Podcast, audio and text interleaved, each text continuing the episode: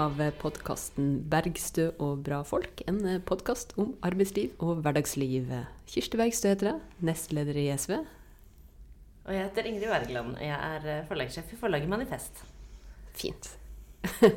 og så er det veldig hyggelig å kunne ønske velkommen til dagens gjest. Linn Herning, leder i For velferdsstaten. Mhm. Velkommen til oss. Takk for det.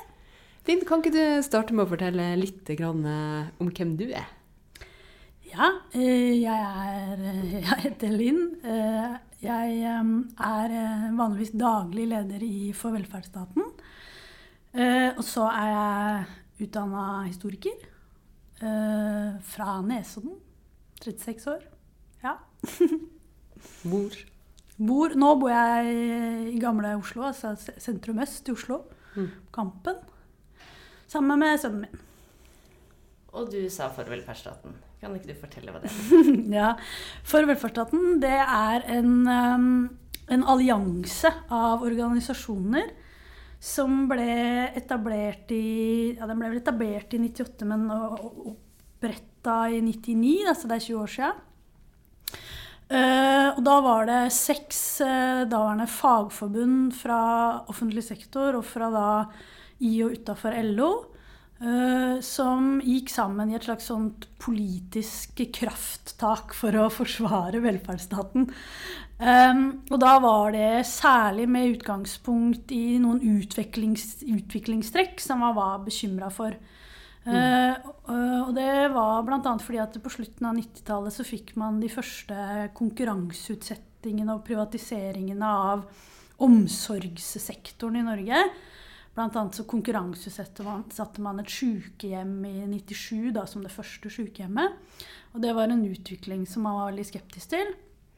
Så i den plattformen som man satte ned da, så hadde man tre stolper da, som, eh, som man var opptatt av. Uh, og det ene det var utviklinga innenfor offentlig sektor. Uh, da både med privatisering og også måten man styrte offentlig sektor på. Eh, det som er kalt for markedsretting. Og så var det utviklinga i arbeidslivet. Det som eh, daværende daglig leder eh, Asbjørn Wahl kalte for brutalisering av arbeidslivet. Det som vi nå som, kjenner som sosial dumping og, og, og, de tingene der. Og så var det da en trussel mot velferdsstatens ytelser og sikkerhetsnett. Så det var på en måte de tre tingene som han var bekymra for. Så gikk da disse seks forbundene sammen. Uh, og så fikk man tilslutta fra masse andre organisasjoner. Uh, kvinnebevegelse bl.a. Plutselig så kom det noen kommuner som ville være med. Det var uh, bonde, altså Norsk Bonde- og Småbrukarlaget, Pensjonistforbundet, forskjellige andre typer organisasjoner. da. Um, og så har vi siden det jobba først og fremst med fagbevegelsen. Eh, men også noe utadretta av virksomhet eh, innenfor den rammen som den plattformen satt. da. Men det er jo en veldig bred plattform, som ja. er det politiske grunnlaget til for velferdsstaten. Ja. Og jeg lurer tro at det er en del ut av eh, Altså at det var eh, trusler eh, og eh, politiske endringer mm. som man så for 20 år siden som som var grunnlaget for at man så nødvendigheten av å komme i lag. Mm. Eh, hva, hva, 20 år senere, hva, hva, tenker du om det? Ja, altså, jeg synes det var eh, altså, Han som var daglig leder, han pensjonerte seg i fjor, Asbjørn Wahl. Og da gikk han gjennom sitt mangfoldige arkiv av avisutklipp. og da tok han fram et, eh, et avisutklipp fra det ble etablert. Eh, et stort oppslag jeg tror det var i VG med Jan Davidsen, som da var leder av Norsk Kommuneforbund, og som var en av de viktige drivkraftene til å dra i gang dette nettverket her. Da. Altså det Fagforbundet het før? Ja, det, ja, tidligere det som Fagforbundet het før, ja. Før det ble slått sammen. Med, mm. uh, og da var, det, da var vel oppslaget noe sånt som at starter opplysningskontor mot privatisering. Ah. Um, så det var på en måte en av uh, hovedoppgavene, da. Uh, og det som Altså, jeg begynte å jobbe der i 2010. Uh, og det var ganske interessant å se hvor treffende man var på de analysene man hadde på slutten av 90-tallet. Mm. Uh, og så ser man nå på hva som faktisk har skjedd. For noe av det som jo jeg har jobba mest med sjøl, det er jo å kartlegge hvordan det faktisk har gått med disse privatiseringene. Mm. Og, og, da finner man jo igjen veldig mange av de tingene som man advarte mot på slutten av 90-tallet. At det ville bli, eh, ville bli, noen få multinasjonale selskaper hvis man slapp det helt fritt. At det ville bli konkurranse om lønns- og arbeidsvilkår nedover. Um, at man ville uh, få en konkurransesituasjon som, som, ville både påvirke de som på en måte var de privatiserte, men også de fortsatt kommunale enhetene. Så um, man har jo på en måte visst mye om hvordan, uh, hvordan dette kom til å gå. fordi det er jo erfaringer fra mange andre land også. Og man advarte sterkt mot det. Og jeg syns det er imponerende å se den klokskapen man hadde for 20 år siden.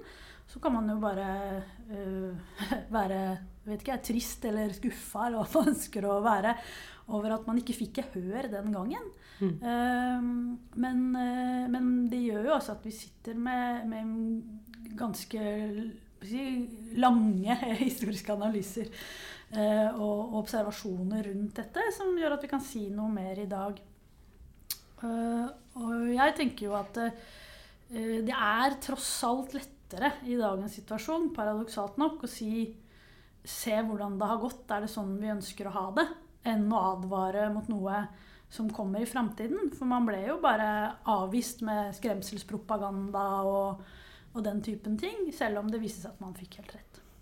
Samtidig så vil jeg jo tro at en del ut av altså For velferdsstaten har lagd veldig mange, mye nyttig lesestoff og nyttige samlingsplasser og hadde uh, veldig viktig påvirkningsarbeid. Så jeg vil jo tro at mye ut av det man har gjort, også blir litt sånn som Natteravnene, historien som ikke skjedde. Altså At man har gitt eh, folkevalgte og kommuner sjøltillit til å stå opp mot privatisering og si at det fins et annet alternativ i en tid der det har vært et veldig trykk på det. Eh, mm. fordi på slutten av 90-tallet så var det jo en voldsom ja, nyliberal mm. offensiv i tankegods og, og politiske handlingsmønster mm.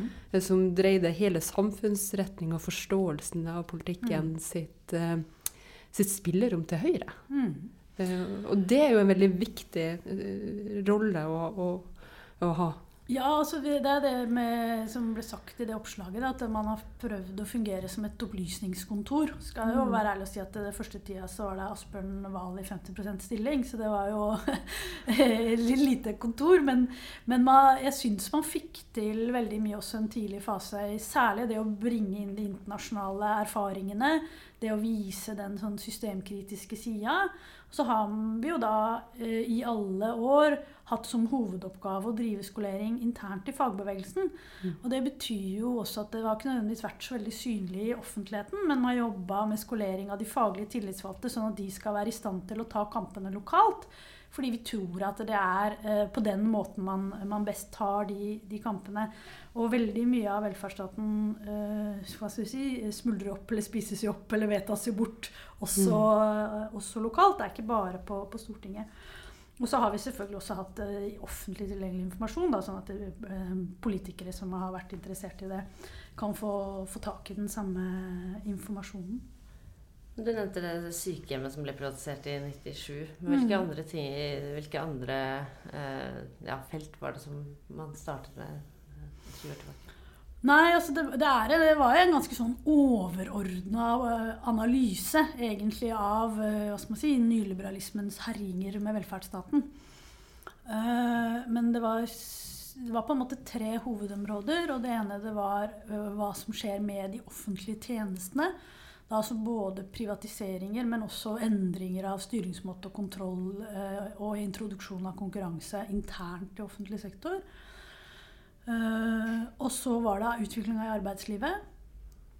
Og så var det da eh, angrep mot eh, trygdeytelsene og sikkerhetsnettet i velferdsstaten. Så det er på en måte den analysen, så den analysen av velferdsstaten som lå til grunn, baserer seg på at velferdsstaten består av de tre elementene. Mm. Offentlig sektor, offentlige tjenester. et regulert arbeidsliv og sikkerhetsnett for de som faller utenfor. Mm. For da går det, det med arbeidsliv Det handler ikke bare om arbeidslivet i, offentlig sektor, men arbeidslivet nei, nei, generelt. Nei, det er arbeidslivet helt generelt. Ja, ja. Det er klart at når det, når det brutaliseres over hele linja, så jo det, legger jo det et veldig press på, på trygdeytelser. Ja. Mm. mm. Og så det, var det jo også et forsøk på det. er særlig to ting som jeg tror er viktig. Det ene er å Det, det ringer. Tror du det Nei, det høres knapt Det er ikke så farlig. Men uh, Det ringer inn til voteringer. Ja, det er ikke så farlig. Hvis ikke vi hører det, så kan vi fortsette. Unnskyld at jeg avbryter. Ja, um, skal vi se Hva var det jeg var nå?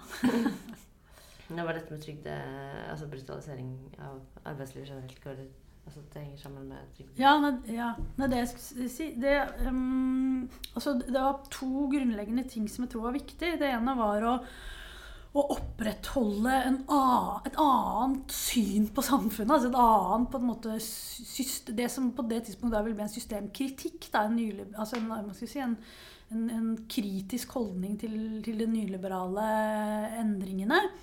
Eh, men det som også var veldig viktig, det var at eh, det er en tendens i, i eh, fagbevegelsen om at man kan sine felt veldig godt. Men at systemkritikken, den overordna systemkritikken forsvinner litt. Og det å kunne være et, et, et miljø da, som tenkte helhetlig og ikke var bundet til det enkelte forbunds sektorer, uh, det var også veldig viktig og har vært viktig hele veien. Og vi har jo prøvd å, holde det fokuset, at vi går inn i enkelte sektorer Eh, på en måte først, å, først og fremst for å eksemplifisere, da. Eh, men, men prøver å bidra med, med overordna analyser om hva som skjer. Selvfølgelig basert i, i, i konkrete ting. Men, men, også prøve å tenke hva er det som er en Hva er det vi, vi kan bidra med da, som et lite miljø eh, som, som, jobber eh, på den måten. Eh, og det tror jeg har vært viktig, det som også er på en måte både tankearbeidet, men også det alliansearbeidet. Det å bygge allianser på det tidspunktet så var eh, avstanden mellom LO og Unio mye større enn det det er i dag. Og det da at man, når man etablerte dette, så var det jo da LO-forbund og Unio-forbund. Og det var veldig viktig på den, det tidspunktet. Og så har jo da vi som har jobba i dette miljøet, eh, vil jeg si, eh, vært også ganske viktig for å etablere en del andre allianser. Eh, Asbjørn har f.eks. jobba veldig mye med det å kombinere Eller det å, det å jobbe med miljøkamp internt i fagbevegelsen. Og hvordan fagbevegelsen kan jobbe med miljøsaken. Og, og det å skape forståelse og dialog mellom det var bl.a. med å Eh, å starte den eh, Broen til framtiden-konferansen, som har vært viktig for å bygge allianser på miljøarbeid mellom organisasjoner som, som, jobber med det, og som ikke nødvendigvis har det som primære formål. Da. Mm. Kom i lag på tvers. Jeg husker jo også initiativet som jeg selv var med på for en eh, hva blir det, 18-19 år siden, som het Ungdom for velferdsstaten. Og det var jo for å, for å, vise at også ungdom hadde interesse av en Eh, en felles uh, framtid eh, mm. for en sterk velferdsstat og offentlig sektor. Men du har jo Du nevnte jo det at man, man har en, et overordna blikk og prøve å, å, å, se hva som er truslene og løsningene i dag. Og der har jo du bidratt til en hel del, eller dere har bidratt til en hel del, og, og spesielt boka 'Velferdsprofitørene' Eh, har jo skapt stort engasjement eh, og voldsom eh, debatt og politisk aktivitet knytta til, til det, det, spørsmålet. Mm. Og det var det jo i stor grad du som dro i gang, Elaine? Ja, altså Jeg Det var jo den første oppgaven som jeg fikk, egentlig, ordentlig, når jeg jobb, begynte å jobbe i velferdsstaten det var jo å sette meg ned og prøve å, å, studere litt de sektorene hvor man hadde hatt noe privatisering, og så se litt på uh, hvordan det faktisk så ut i de, uh, i de sektorene. Altså hvem er det som driver privat barnevern? Hva er en privat barnehage i dag? De tingene der. Uh, og så jobba vi jo med det i det uh, sekretariatet, det som vi kaller det, vi som jobber i velferdsstaten, i ganske mange år. Uh, både med dokumentasjon og veldig mye politiske møter rundt omkring, både i fagbevegelsen og rød-grønne og sånn. Og så var det Det var særlig erfaringa med å reise rundt i lokalvalgkampen 2011 som, uh, som gjorde at, uh, at, vi tenkte at det, det, må gjøres et ordentlig arbeid. Fordi da var det på en måte to ting som jeg syntes var skremmende da, med den valgkampen. Mm. Uh, det ene det var å se at høyresida var veldig godt skolert. Det var jo ikke nødvendigvis så grundig, men liksom, uansett hvor vi kom hen, så hadde de de samme powerpointene, de hadde de samme slagordene, de hadde de samme Eh, såkalte effektivitetsnotatene. Altså de hadde på en måte virkelig bygd seg opp. da. Mm. En database sammen med, med NO Service og en del av disse her eh, selskapene og sånn. En argumentasjon for privatisering av velferdstjenester. Og det i seg sjøl var jo ille nok, men det som var verre, syns jeg, det var jo at alle som i utgangspunktet var imot privatisering, uh, hadde for dårlig argumentasjon. Altså, det var for dårlig. Man sa sånn uh, Nei, det er vi ikke. Det er vi imot, eller det er en dårlig idé, eller det er ikke sånn vi gjør det i Norge. Noe som på en måte jeg mener at egentlig ikke er argumenter. uh, og så, ja, så var det en lang prosess. Da, at egentlig så skulle jeg skrive en annen bok, men så, så ble det så ble dette her for viktig for meg, rett og slett. Den mm. privatiseringsdelen. At jeg valgte å, uh, å prioritere det og skrive da den boka som ble 'Velferdsprofitørene'. Og Der prøvde jeg å gjøre litt ting. Eh, det ene var jo å komme med den dokumentasjonen vi hadde da, på det tidspunktet. Mm. Om hvordan det faktisk hadde gått. Uh, og så var det jo å ta for meg de argumentene som tilleggerne privatisering brukte. Uh, og så prøve å stable på beina noen motargumenter.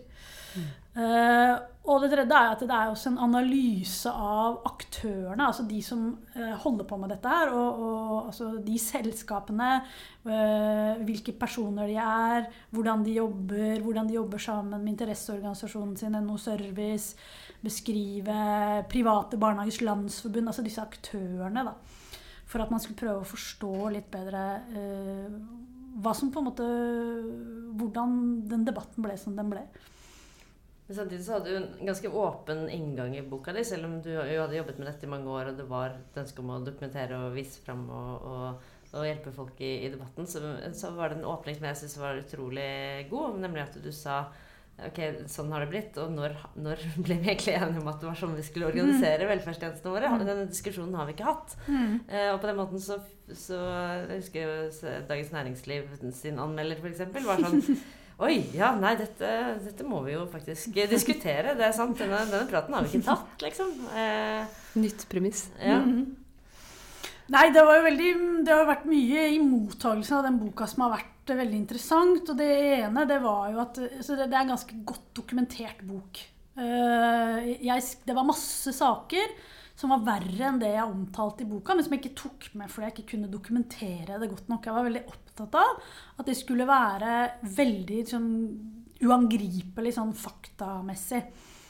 Uh, og, så, og det er, jo, det er jo ingen som har sagt noe på innholdet. Uh, og fordi de ikke kunne noe på, si noe på innholdet, så klikka de jo på tittelen isteden. uh, og illustrasjonen! Og, illustrasjonen. Kan du beskrive Ja, altså illustrasjonen den er jo litt drøy, men det er jo også litt gøy. Uh, det er jo da noe sånn parasittdyr med gullfolie på, som suger da gullfolie ut av det som er arrangert som en slags velferdsstat på det. Det er veldig gøy. Men eh, Da følte noen seg truffet? Da følte noen seg veldig truffet. Å, så vondt i Men det var jo, uh, var jo også en, uh, en diskusjon i forkant om, om vi skulle kalle det for velferdsparasittene. Og det var jeg veldig skeptisk til, for det kunne jeg ikke stå inne for. Fordi at det er eh, det ble, det ble starta, Den diskusjonen ble starta fordi at deler av dette eh, Altså de finansielle oppkjøpsfondene de omtaler jeg som parasittisk virksomhet. Mm. Eh, Og det mener jeg at det er. De har på en måte De, de har ingenting å bidra med, men jeg, er i velferd, velferden. Eh, Men det ble et for enkelt bilde. eh, Fordi at du har også eh, kvinnelige gründere. Det fins, de fins, selv om du må lete litt med, med lupe for å finne de. Eh, Og det var viktig å finne et begrep som på en måte favna eh, alle. Eh, og, som, og det andre som var viktig, det var å finne et begrep som skilte denne gruppen fra den andre gruppen av private aktører.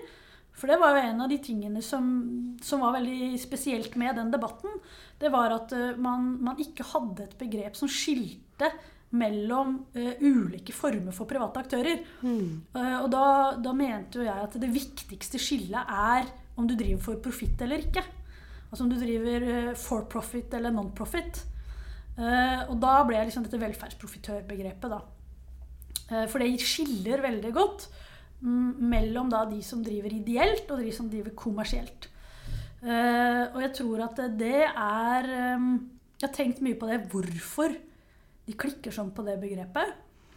Eh, Det er visstnok også de, På et tidspunkt så ringte det meg en fyr som sa sånn Hei, du, jeg skriver masteroppgave i, markedsføring eller noe sånt. Eh, og skulle skrive om velferdsprofitørbegrepet. Ja. Uh, ja, PR eller noe sånt var det han skulle skrive. Uh, for så, så han sa for det begrepet er jo helt uangripelig. Eh, og det er sånn eh, Det har ikke jeg, ikke jeg tenkt over, men, men, eh, men det er på en måte veldig, har vært et veldig effektivt begrep. da. Og så har jeg tenkt veldig mye på hvorfor En ting er, Jeg er ikke enig om at det er uangripelig, og sånn, men, men de har jo på en måte prøvd på veldig mange forskjellige måter å angripe det. De har prøvd å eie det. På et tidspunkt så sendte jo en av de største altså den største helt kommersielle helseaktørene i, i Norge sendte ut sånn gladbrosjyre med 'Vi er velferdsprofitørene'. Mm. Jeg fikk den. Ja. Glans av papir. uh, og mens samtidig så har de liksom drivet og sagt at det er krigsretorikk. Så de har liksom slitt veldig, da. Uh, men jeg tror at en av grunnene til at de klikker sånn på det, det er jo at det stiller på en måte et spørsmålstegn ved en av grunntesene i nyliberalismen, nemlig at, at profittjag alltid er positivt. Mm. Uh, og, og, det, og det Jeg tror det er derfor de syns det er så problematisk begrep. Fordi at uh, det, det, det kan åpne en mye større debatt da, om, om profittmotivets rolle. Og det har du jo på mange måter gjort. Ja, det, jeg håper jo det.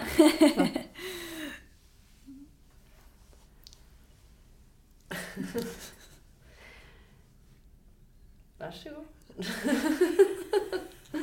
Jeg følte at, jeg følte at du skulle si noe, så jeg vil ikke avbryte deg. Nei. Nei, men jeg kan fortelle en historie som jeg syns er litt gøy. Um, fordi at jeg var, For ikke så lenge siden så var jeg i debatt med Kristin Clemet.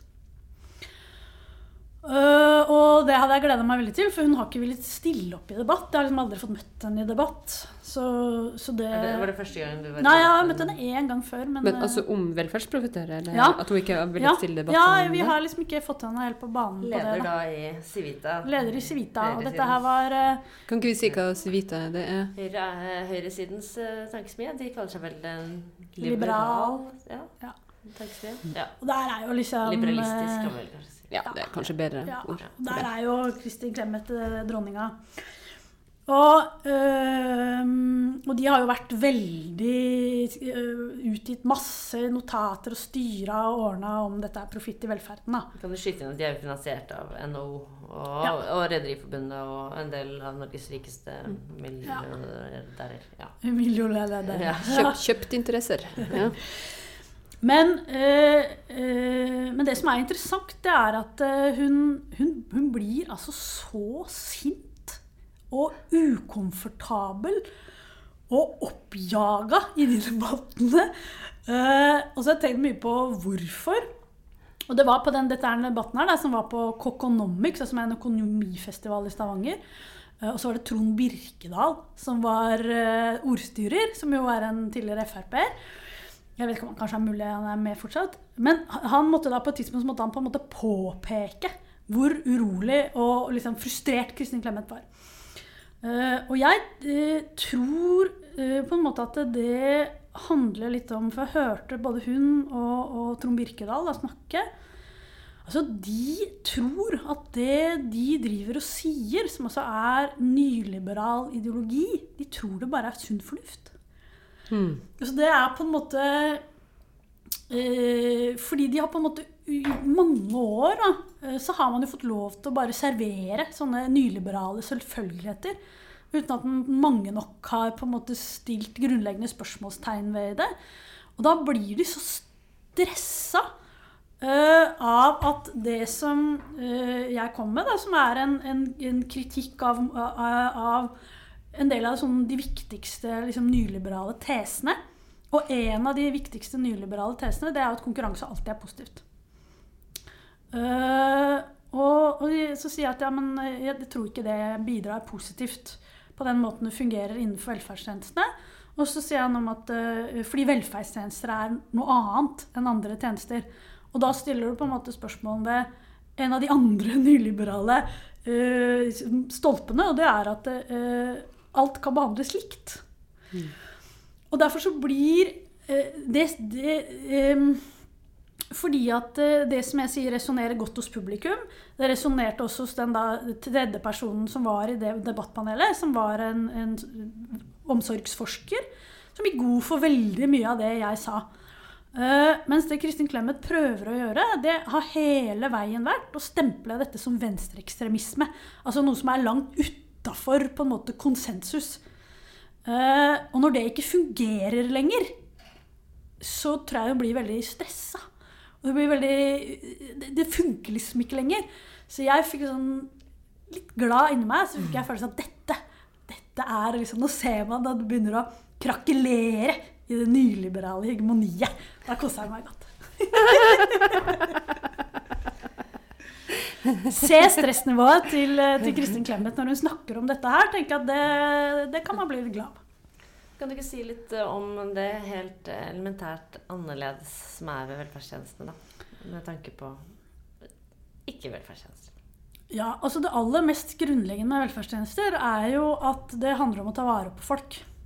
Uh, og jeg vil jo mene, og det, det er jo ikke noe, ikke noe, objektiv sannhet om det, men jeg vil jo mene at det er noe annet å ta vare på mennesker enn det er å bygge bygninger, f.eks. Eller da å levere de bygningene som denne omsorgen skal skje i, f.eks. en barnehage. Mm. Uh, men det går de ikke med på. Uh, og, og de tenker at det Nei vel. Det får jo være dems menneskesyn, tenker jeg. For meg så er det helt åpenbart at øh, velferdstjenestene handler i veldig stor grad om å ta vare på mennesker. Øh, og jeg mener at da, bare med det premisset så er det noe grunnleggende annerledes. Og så er det også det at øh, veldig mye innenfor velferdstjenesten så er det vanskelig å måle kvaliteten. Du kan ikke få et objektivt mål på det. Uh, og det gjør også at de vanlige markedsmekanismene ikke fungerer helt godt. For markedsmekanismer er jo på en måte eh, pris og kvalitet. altså mm. hvilken pris må jeg betale for hvilken kvalitet. Det er det det basically handler om. Mm. Eh, men når du da bare kan få målt eh, prisen eh, og ikke kvaliteten, så blir det veldig Da fungerer ikke markedsmekanismene. Og de tingene der ser de bare helt bort ifra. Så det er på en måte det mest grunnleggende. Og så er det jo eh, en ting til som gjelder veldig mye mer enn bare det som vi ofte kaller for velferdstjenester. Og det er jo at alt som er på alt som er offentlige tjenester, det er jo tjenester som har et samfunnsformål. Altså, eh, privat sektor har jo i prinsippet eh, et formål, og det er jo å gå med overskudd.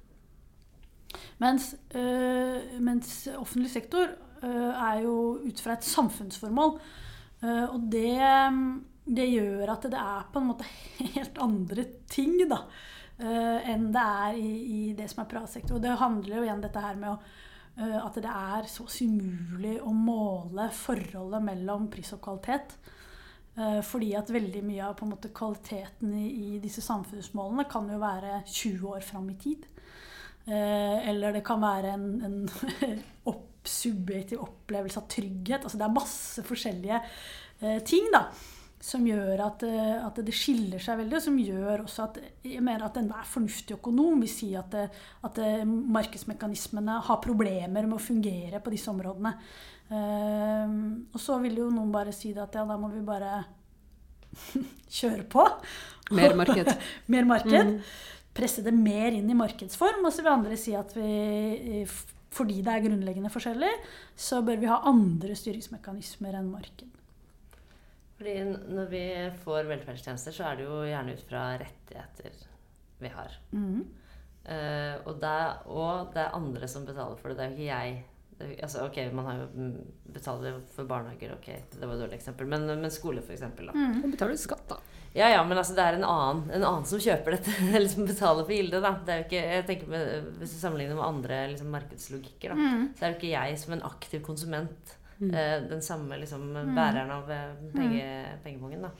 Eh, og så er det det du sier med, med, konsekvensen av det. For jeg tenker også, hvis du har det hvis man, Se for deg at du har da Eh, ikke bare full barnehagedekning, men my mye mer enn det. Det var kjempemasse barnehager, da, så du skal bare kunne velge og vrake. Og det er jo det som er argumentet. Da, da blir barnehage så mye bedre hvis det er konkurranse og sånn. Så har du da barnet ditt i én barnehage, og så er det Eh, så skal man da liksom da, For det første kan det være vanskelig å måle hvorvidt den er bra eller dårlig, hvis det er det man hele tiden skal uh, søke etter. da. Men la oss si at den da er kjempedårlig, da, så du skal da søke deg til en annen. Altså kostnaden av at man lager et system hvor noen skal bli bedre, og dermed noen skal måte, da bli dårligere, er jo utrolig mye mer alvorlig enn enn hvis du liksom kjøper noen sko som er litt ræva. da. Mm. Hvis barnet ditt da går i månedsvis i en barnehage med ja, lav bemanning ja, eller Det er jo en av de som jeg syns er de interessante tingene i diskusjonen med Civita. Jeg har, ikke, jeg har diskutert med andre folk Civita om dette her eh, et par ganger. Og det er jo hvorvidt konkurs er positivt eller negativt. Fordi at i en markedsøkonomi så er jo konkurs per definisjon positivt. For det betyr at de dårligste legger ned. Mm. Eh, pizzeriaen var ikke noe bra, liksom? Ja, det, altså, ja. Heldigvis gikk den konkurs. Ja. ja. Eller det er på en måte. Men så er spørsmålet er konkurs en positiv mekanisme i velferden. Og jeg vil mene at det er det ikke. Eh, fordi at det, for det første så går det jo noen i den barnehagen eller på den skolen eh, i hele den perioden hvor det er dårlig, og vi bare liksom, skal vi bare vente på hvem som går konkurs? Og det andre er at når det faktisk går konkurs, hva skjer da med de som er der? Jo, altså det offentlige har jo et plikt til å levere tilbud til dem. Så da blir jo de bare skyfla over, og så må det offentlige plutselig ta over. Eh, og, og, det er også dette med at det handler jo i stor grad om mennesker. da. Det har jo vært eh, ikke så mange, men det har vært blant annet så var det en konkurs på et sykehjem som ble konkurranseutsatt. Eh, og da måtte jo kommunen ta over alt på ett døgn. Altså, Fordi at de som bodde på det sykehjemmet det er jo ikke sånn at de bare eh, finner seg et annet sted sjøl. Ikke sånn putte dem på et lager. Nei, sånn som man finner seg en annen pizzasjappe eller sånn. Og det er jo det som mener at det, eh, at det Og det er sånn grunnleggende ting. Altså markedsmekanismer de skal skape vinnere og tapere. Og det kan være positivt. F.eks. i teknologiutvikling så kan det være noen positive ting med det. Eh, eh, når det gjelder velferdstjenester, eh, så har vi et problem hvis Eller si sånn, start i andre enden. Jeg syns det er et problem hvis vi har et system som skaper vinnere og tapere innenfor skole og velferd og den typen tjenester. Alle syns jo åpenbart ikke det. Mm. Og tanken med offentlige tjenester og velferdsstat var jo nettopp at man skulle skape et system som ikke skapte vinnere og tapere, men der alle fikk et godt tilbud. Og så kan du si at uh, offentlig sektor uh, er jo tanken at det skal oppnå et samfunnsmål. Og hvor det da samfunnsmålet f.eks. er alle skal ha en god skole. Uh, mens en markedsløsning vil være skape vinnere og tapere og tenke at det er en positiv ting. Og det er jeg veldig opptatt av. at vi har liksom, Det er akkurat som vi har glemt den grunnleggende argumentasjonen for hva vi faktisk skulle med den offentlige løsninga. Eh, det er ikke fordi bare vi gjør, vi gjør, det sånn i Norge, eller det er bra. Det er for å oppnå noe politisk, og det kan være uenighet om det politisk. Noen behov som skal dekkes, og noen formål med det. Men jeg tenkte på, når du kom med det eksempelet med barnehage, så tenker jeg at det er i stor grad sånn Høyre har styrt skolen, der de har hatt muligheten til det. At, har, at vi ser at vi at det har blitt A- og B-skoler, at det har blitt tapere og vinnere, at det har blitt veldig stor skjevfordeling økonomisk mellom, mellom, skolene. At man har hatt systemer, insentiver, markedsmekanismer mm. som har sjalta ut mm. folk på det, på det viset. Da. Det er jo mm. dypt skadelig. Ja, og, det er der jeg tenker at uh, som jeg er opptatt, En ting er hva høyresida mener, jeg er litt opptatt av at venstresiden skal ha en god argumentasjon. og det mener jo at eh, for eksempel, Det er jo Oslo vi har sett det her brutale skolesystemet uh, utspille seg. Uh, og der mener jeg at, at det, det nye Eh, byrådet, at det, det, at man har et annet flertall i Oslo nå, ikke bare liksom prøve å endre skolen, men altså systemet den er styrt på. At man kjører tillitsreform, at man prøver å ta et generaloppgjør med, med hele måten eh, ja, og det, og. Det, det tror jeg det blir veldig spennende å se hva man kan få til i Oslo. For det, det, er jo en, en komplisert uh, greie, det er ikke det. Ja. Men, men, det som jeg er litt sånn opptatt av, det er at noen ganger så syns jeg venstresida tenderer til å tenke at uh, våre løsninger er, er, på en måte de allment gode. Mm. Og det er jeg ikke helt sikker på. Altså for eksempel så altså man, man, man, må være tydeligere, mener jeg, på altså Jeg mener jo at, de, at, det er en bedre løsning fordi det gir et godt tilbud til alle. Mm. Men for så er det en sånn slags feil man noen ganger sier at eh, hvis man, ser, hvis man bruker skole, nei, sykehus, som sier at eh, et offentlig system gir de beste sykehusene. Og det gjør de ikke nødvendigvis. Altså, de har jo helt strålende sykehus i USA. Altså helt topp, topp sykehus i USA. Problemet med det amerikanske systemet er bare at de sykehusene er ikke for alle. Mm. Og det er forskjellen. Og det tenker Jeg det er litt, jeg syns jo ofte venstresida er for slapp i argumentasjonen sin.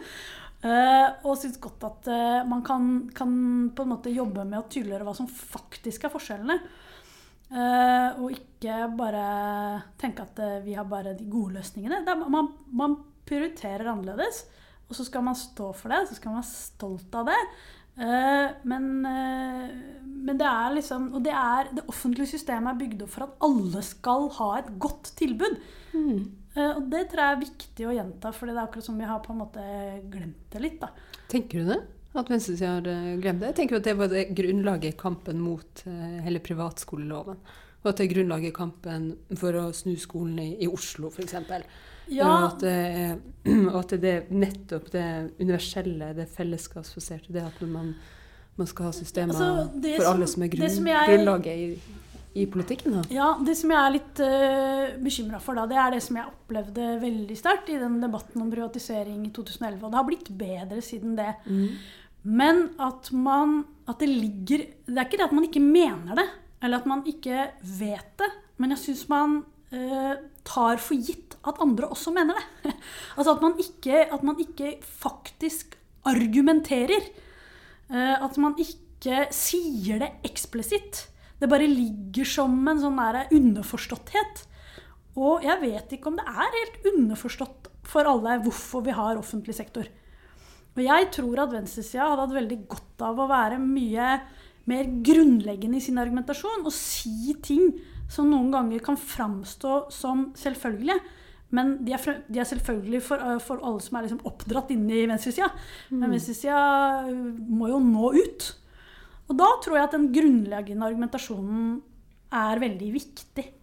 Så som en tydeligere eh, venstreside i forhold til eh, å argumentere for offensivt for eh, offentlig sektor? Jeg ønsker meg mer argumenterende venstreside. er, ikke det, er ikke det litt to sider av samme sak? Du blir jo tydeligere når du argumenterer. Du ja, ja, ja, men jeg, jeg, men jeg, tror på en måte at uh, når det gjelder uh, mange av ordningene i velferdsstaten, så er jo de aller fleste som driver med politikk i dag, er jo mm. vokst opp i det. Uh, og at vi uh, Vi har en sånn Mange av oss har en sånn ryggmargsrefleks eller forståelse eller noe sånt nå. Mm. Uh, men at man kanskje ikke har jobba helt godt nok med, med, å faktisk si det. Og faktisk argumentere for det. Og ikke bare ta for gitt at folk forstår, eller at vi vet. Uh, og det, det, tenker jeg, det er sikkert fordi at det jobber jeg mye med sjøl. At det er derfor jeg, mm. jeg, er opptatt av det. Men, men, det er samme som vi har hatt noen runder i fagbevegelsen. at nå, øh, Hva skal vi med tariffavtalene? Altså man må argumentere. Hvorfor skal man være fagorganisert? Mm. Eh, og det, der tror jeg at det er fortsatt en vei å gå når det gjelder venstresida sin argumentasjon, f.eks. for, for eh, hvor, altså, hvorfor skal vi ha en skole der alle skal gå sammen? Mm. Ikke bare si 'det er bra'. altså, hvorfor er det bra?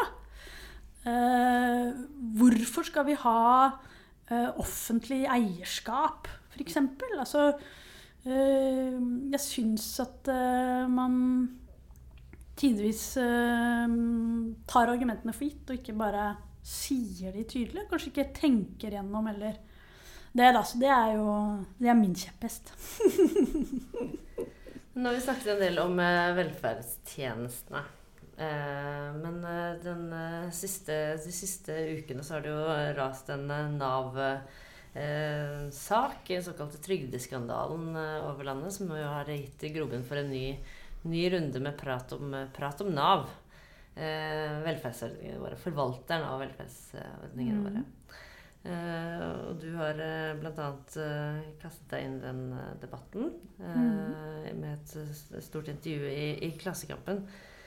Kan du fortelle litt om hvorfor du vil gå inn altså, i, i, den diskusjonen som, som, ruller akkurat nå? Ja, altså det, det, er to, det, er to, grunner til det. Uh, for det første så har jeg, så lenge jeg jobba i velferdsstaten, delvis jobba med Nav. Og prøvd å forstå. og snakka med veldig mange som jobber i Nav og sett veldig mye om hvordan dette ser ut fra ansattesida.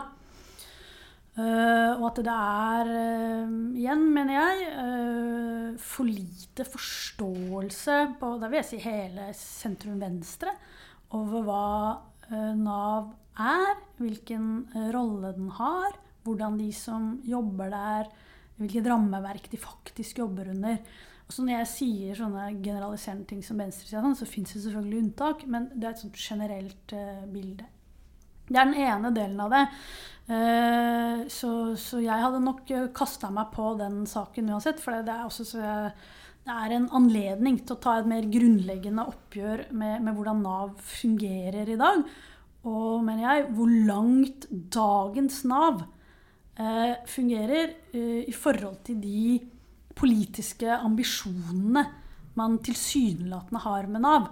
Og da har jeg vært opptatt av det. Jeg mener at det er veldig stor forskjell mellom retorikken, altså den politiske retorikken rundt Nav og velferdsstaten, og alle elsker velferdsstaten og sånn, og hvordan det faktisk fungerer i dagens Nav. Det er den ene delen av den saken. er på en måte det politiske engasjementet. Og så er det jo sånn at jeg er jo på Nav sjøl om dagen. Jeg er 80 sjukmeldt og har vært det uh, siden januar. Uh, og um, det gjør jo at man får et sånt personlig perspektiv på ting. Uh, det var og sammenfalt jo også med et tidspunkt hvor jeg skjønte at jeg sannsynligvis ikke kommer til å bli fiskere, men kommer til å bli sjukere. og kan godt være sjuk i flere år. Jeg har jo en øh, grunnleggende altså Jeg har jo blitt nyretransplantert da jeg var liten. Så jeg har jo pappaen min sin nyre og har visst i veldig mange år at uh, den kom til å uh, begynne å bli utslitt på et tidspunkt. Og nå ser det ut som det er nå.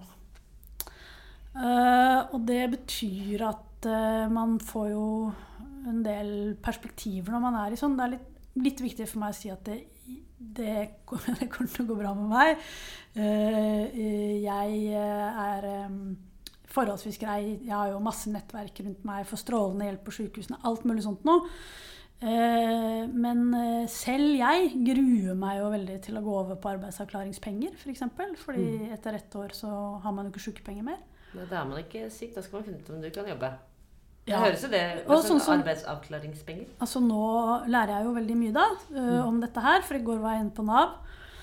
Uh, og skulle prøve å finne ut av dette. Og da står det jo bl.a. jeg må melde meg som arbeidssøker før jeg søker om arbeidsavklaringspenger. Men du har jo en jobb. Jeg har en jobb. Og du kan jo ikke jobbe, det er problemet, fordi du er syk. Ja. Eh, og da kommer man jo på en måte og det, jeg, har jo, jeg har jo visst dette, hvordan, en del mm. om hvordan et system fungerer lenge. Men, men, det er jo noe annet når du er inni det sjøl. Eh, og så er det også for meg, da, som jo har jobba med dette i mange år uh, og, og, det er jo sånn at jeg, Det starta jo med at jeg skrev et innlegg på Facebook for egentlig så hadde jeg tenkt å skrive en kronikk om dette her, og så orka jeg rett og slett ikke det. Jeg kom, har liksom starta mange ganger, men kom ikke helt i mål. Og så ble det et Facebook-innlegg, for terskelen for et Facebook-innlegg er liksom litt lavere. Og jeg følte jeg kunne være litt mer personlig og sånn. Mm. Og så hadde jeg også et veldig stort behov for å si fra til folk rundt meg at jeg er sjuk. For jeg var litt lei av å møte folk, og folk spør sånn Ja, åssen går det? Og så vet man liksom ikke helt skal si sånn. Ærlig, ja. Det går ikke så bra, jeg har nyresvikt. Mm. Uh, eller skal man si ja da, det går fint. Så jeg hadde liksom behov for også å si fra til folk at ok, jeg er sjuk, det går greit, men jeg er sjuk. Så skrev jeg et Facebook-innlegg. Og når Klassekampen da ringte og spurte kan vi få gjøre et intervju med deg, uh, så tenkte jeg sånn ok, den anledninga til å si noe om dette, den får jeg bare ta. Og så mm. gjorde jeg det, og så ble det jo et svært oppslag litt mer enn jeg kanskje hadde sett for meg, men det er, men det er greit. Det, så nå har jeg tenkt at hvis dette også er på en måte en slags plattform, da, eller et eller annet, så kan jeg bruke det til å si noe fornuftig, da. Prøve. Linn, når, når, du måtte registrere deg som arbeidssøker mm. For å få arbeidsavklaringspenger, mm. hvilke tanker gjorde du da? Nei, altså jeg har ikke gjort det ennå. Uh, jeg har bare begynt å forberede meg mentalt uh, på at jeg må gjøre det. Um, men jeg Fordi jeg har tenkt at jeg skal bli bedre veldig lenge. Og nå har på en måte legen sagt at jeg tror ikke at du kommer til å bli så mye bedre. Det kan fortsatt skje, men jeg tror ikke det. Og det betyr at jeg måtte på en måte mentalt omstille meg til at OK, hva gjør jeg nå? Og det i seg sjøl er jo tøft nok, på en måte. En brutal runde. Mm. Uh, fordi man vil jo Man vil jo være frisk. Men uh, så er jo jeg på en måte Jeg er jo heldig på sånn måte, trodde jeg i hvert fall, at jeg har en veldig sånn tydelig sykdom, da. Så eh, Rikshospitalet kan bekrefte at jeg har nyresvikt og, og sånn. Uh, så jeg har på en måte tenkt at dette ordner seg. og sånn. Det for det er ikke sånn diffuse plager? Nei. Eh, altså Symptomene er jo diffuse, men, men ja, ja, de sier liksom at det, ja. Men så uh, sjekka jeg gjorde det faktisk i går, da. Da begynte jeg liksom å sjekke ok, men hva betyr det økonomisk for meg. Mm. Fordi når du går fra sjukmelding til arbeidsavklaringspenger, så går du jo ned. Altså du får jo 66% av lønn Um, Opptil 600 000.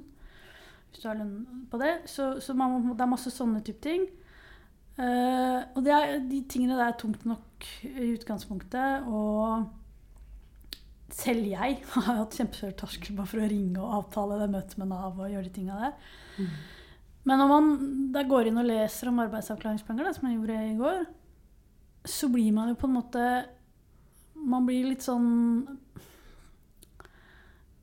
øh, møtt av noe som virker liksom sånn idiotisk. altså, uh, for min situasjon er ikke altså det, Jeg tror det er 2. februar eller noe sånt nå, hvor min da rett til sykepenger går ut, for det har vært sykemeldt i et år. Uh, og det er ingenting som endres i min helsesituasjon fra 2. til 3. februar. Altså sånn, det, er ikke, det, er ikke, sånn det skjer. Så, og jeg har jo en jobb. Eh, så, og at jeg skal melde meg som arbeidssøker, virker jo bare helt idiotisk. Og det er en del sånne ting. Jeg vet jo ikke det. Jeg vet ikke, Kanskje jeg må jeg ikke det eller ikke, men det er jo det som står da, på Nav. Så er det jo hele den der eh, følelsen av at eh, åh, må du ringe oss? Må du ta kontakt med oss? Kan du ikke bare fikse det sjøl? Mm. Hele nettsida til Nav oser jo av det. Mm. Det er jo hele tiden hvor du bare for å finne telefonnummeret, så må du scrolle ned forbi sånn Har du sjekka nav.no? Har du sjekka nav.no? uh, altså, det er masse sånne ting som jeg tenker at Uh, jeg syns det er eh, problematisk, eller skal jeg si det, at sjuke folk må gjennom det der. Mm. Og akkurat nå så er jo jeg ikke så sjuk at Altså, jeg klarer det.